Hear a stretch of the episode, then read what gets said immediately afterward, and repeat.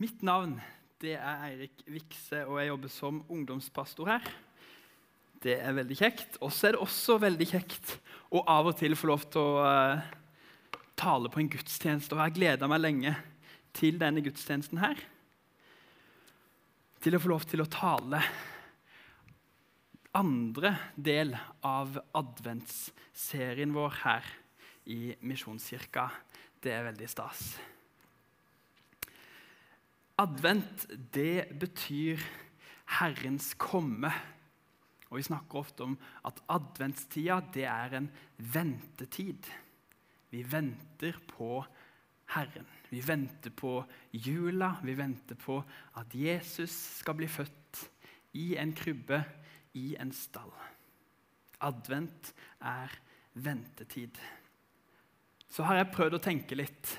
Eh, i hvilke situasjoner er det jeg venter? For vente det gjør vi jo hele livet. holdt jeg på å si. Det er jo ikke kun i adventstida vi venter. Vi står jo i, eh, i kø på butikken, det er venteværelser i de fleste offentlige bygg. Her For et par uker siden så trakk jeg en visdomstann.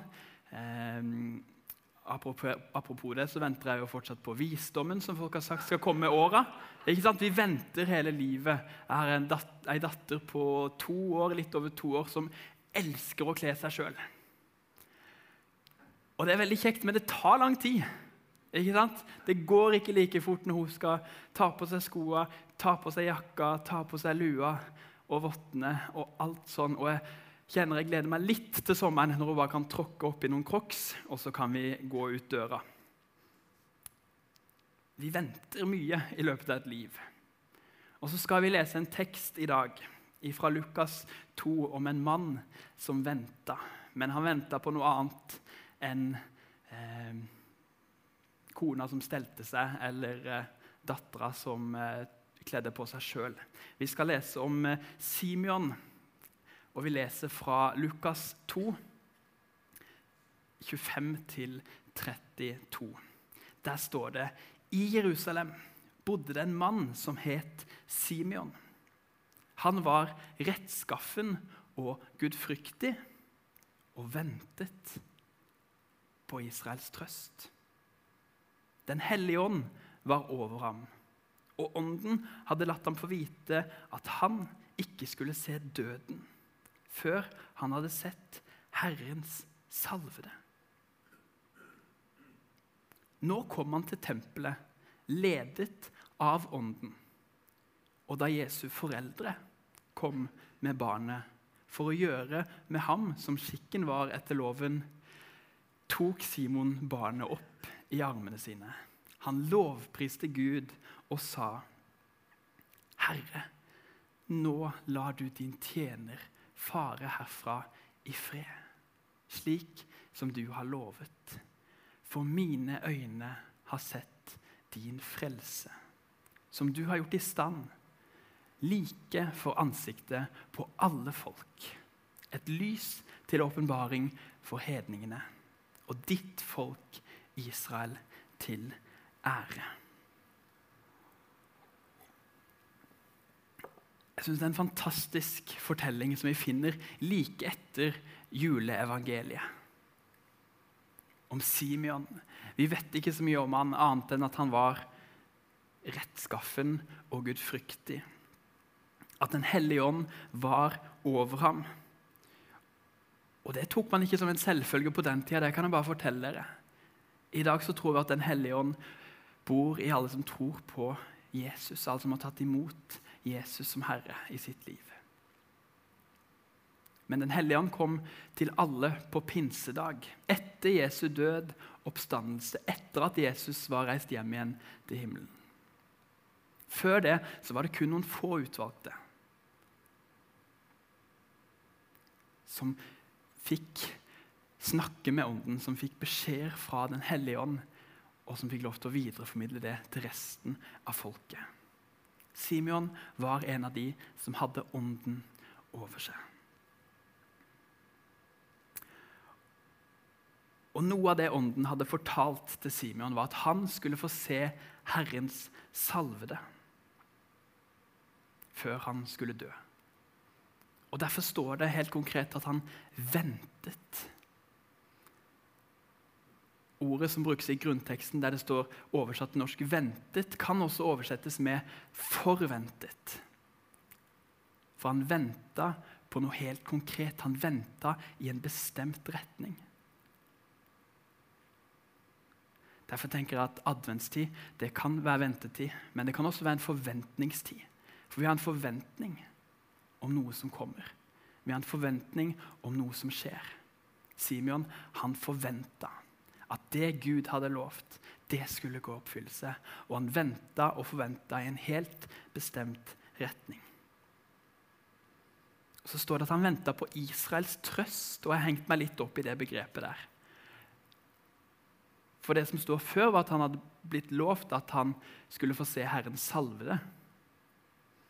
Men så står det at han venta på Israels trøst, så skjønner vi at det må jo være en sammenheng her.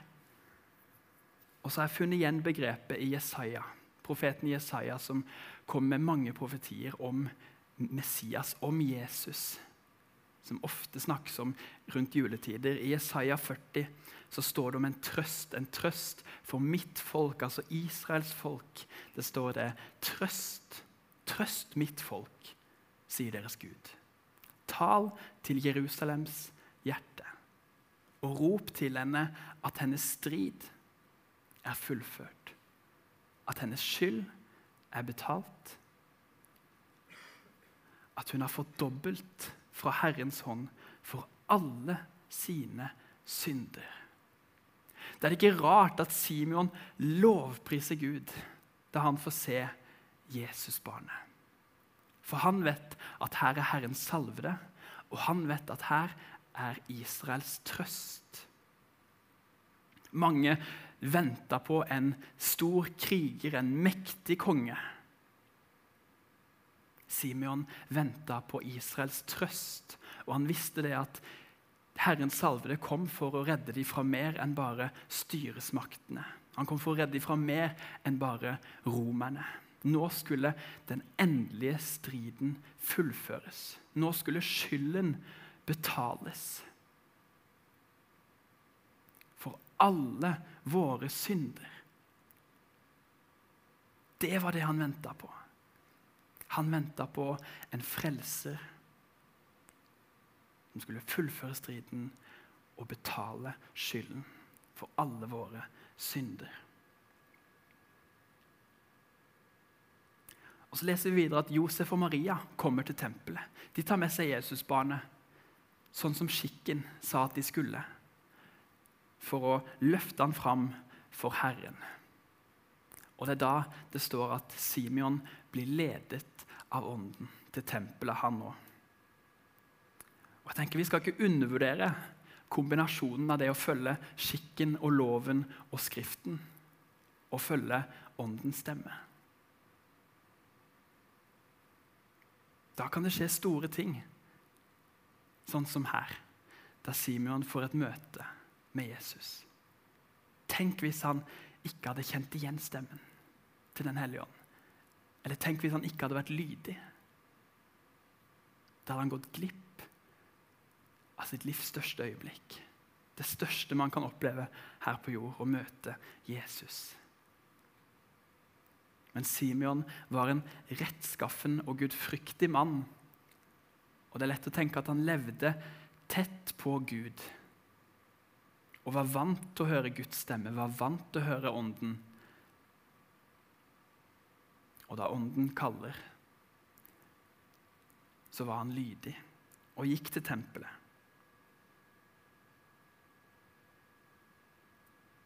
Og Så møter han dette barnet, løfter det opp i armene sine og bare bryter ut i lovprisning til Gud. Han skjønte umiddelbart at dette, dette er det jeg har venta på. Dette er Herrens salvede. Det står ikke om noe ordveksling mellom Simeon og Josef og Maria. Jeg ser for meg at Simon bare skjønte det. Her er han.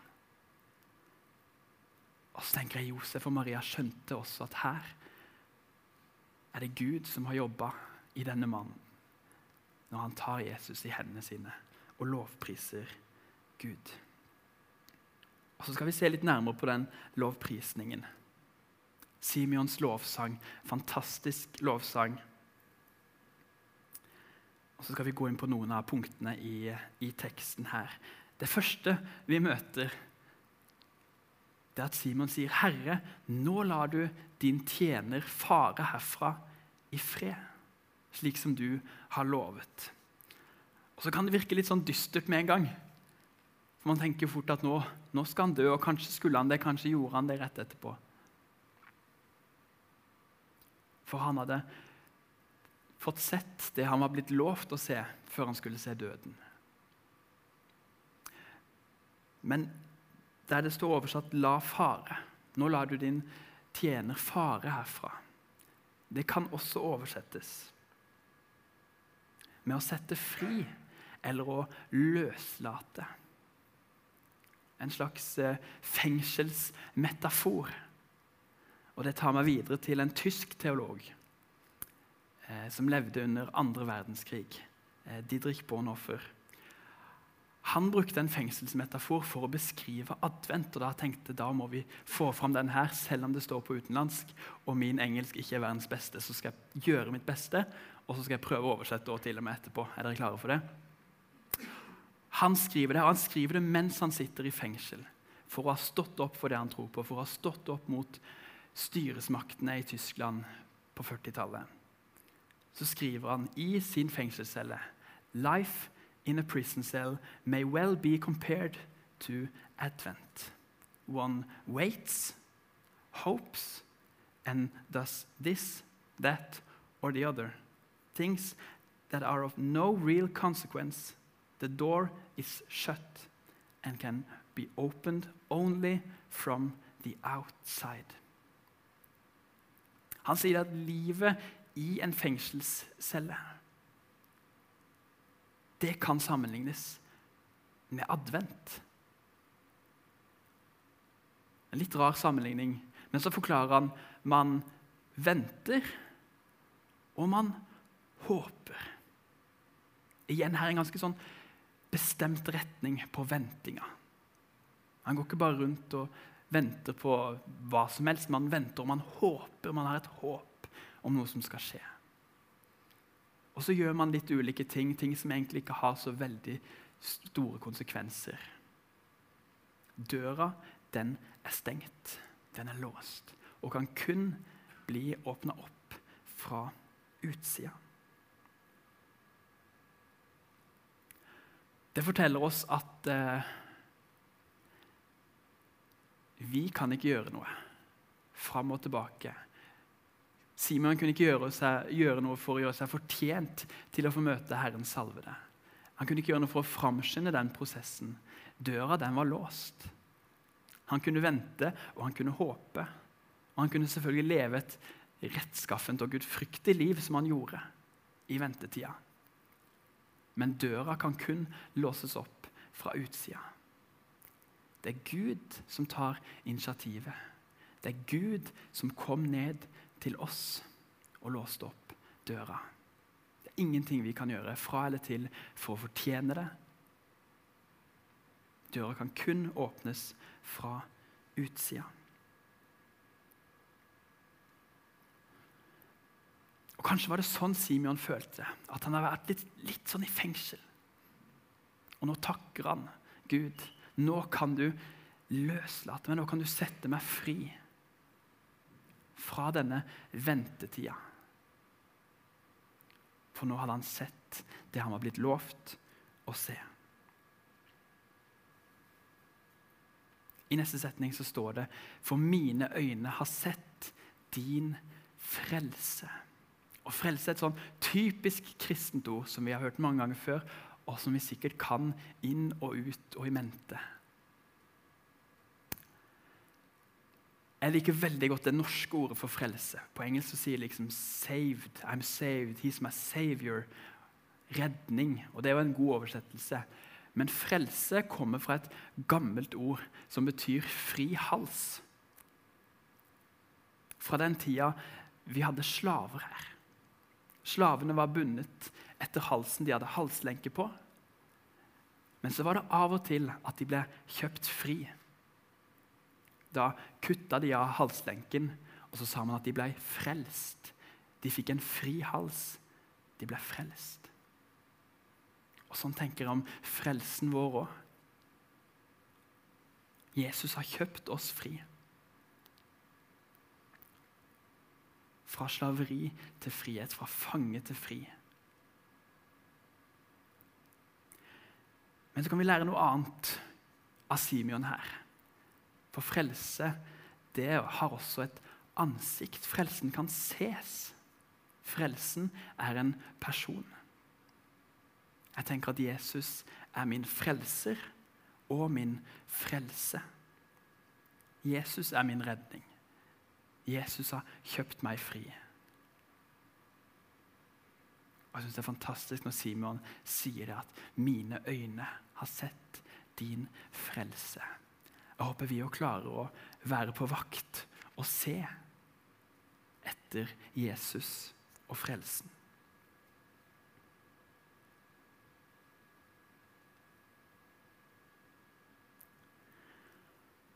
I de to siste eh, verslinjene her så, så går han inn på noe som litt seinere ble en ganske betent og stor teologisk debatt etter Jesu døde oppstandelse. Hvem var Jesus egentlig for? Kom Jesus for å redde jødene, Israels folk, eller kom han for å redde alle? Der var det stor uenighet, også blant mange av de som hadde gått tett på Jesus.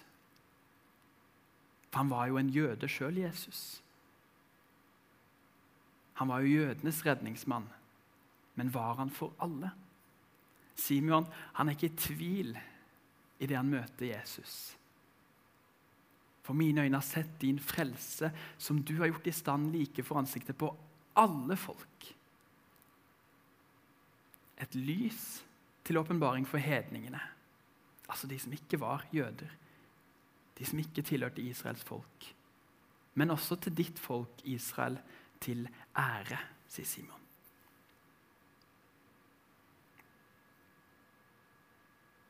Og jeg tenker Vi kan fort ha en tendens til å tenke at Jesus han er for noen. Eller Jesus passer ikke inn der.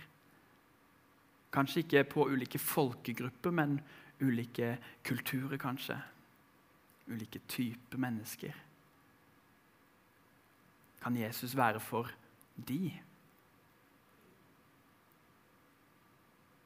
Kan Jesus være for meg? Så kommer det tydelig fram her i Simeons lovsang og også i Jesu lære at han er for alle. Uansett hvem du tilhører, uansett hvor du kommer fra, uansett hva du har gjort, så kommer Jesus med frelse til alle folk. Et lys til åpenbaring og Israels folk til ære.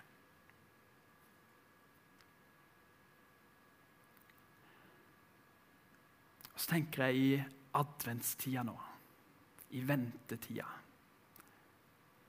så håper jeg vi kan ta med oss Simeons lovsang. Om en Gud som har kjøpt oss fri, som har løslatt oss, satt oss fri fra fangenskapet. Som har kjøpt oss fri og frelst oss. Alle sammen som vi tar imot. Og så håper jeg vi kan ta det med videre ut over adventstida òg.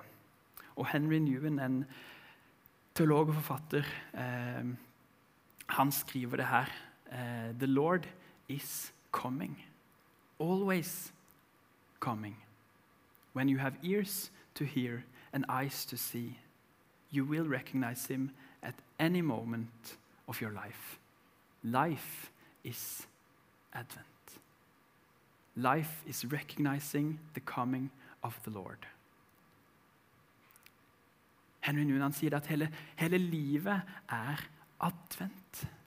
Det er ikke kun fire søndager i desember vi kan vente på Jesus. For Jesus kommer alltid. Livet er advent. Livet er å gjenkjenne at Herren kommer. Og så tror vi at han kommer hver dag og ønsker å ha en relasjon til oss. Ønsker å leve tett på oss. Og så kan vi også få lov til å tro at han skal komme igjen en gang for alle. På dommens dag for å ta et oppgjør med all ondskap. Han har lovt at han skal komme igjen.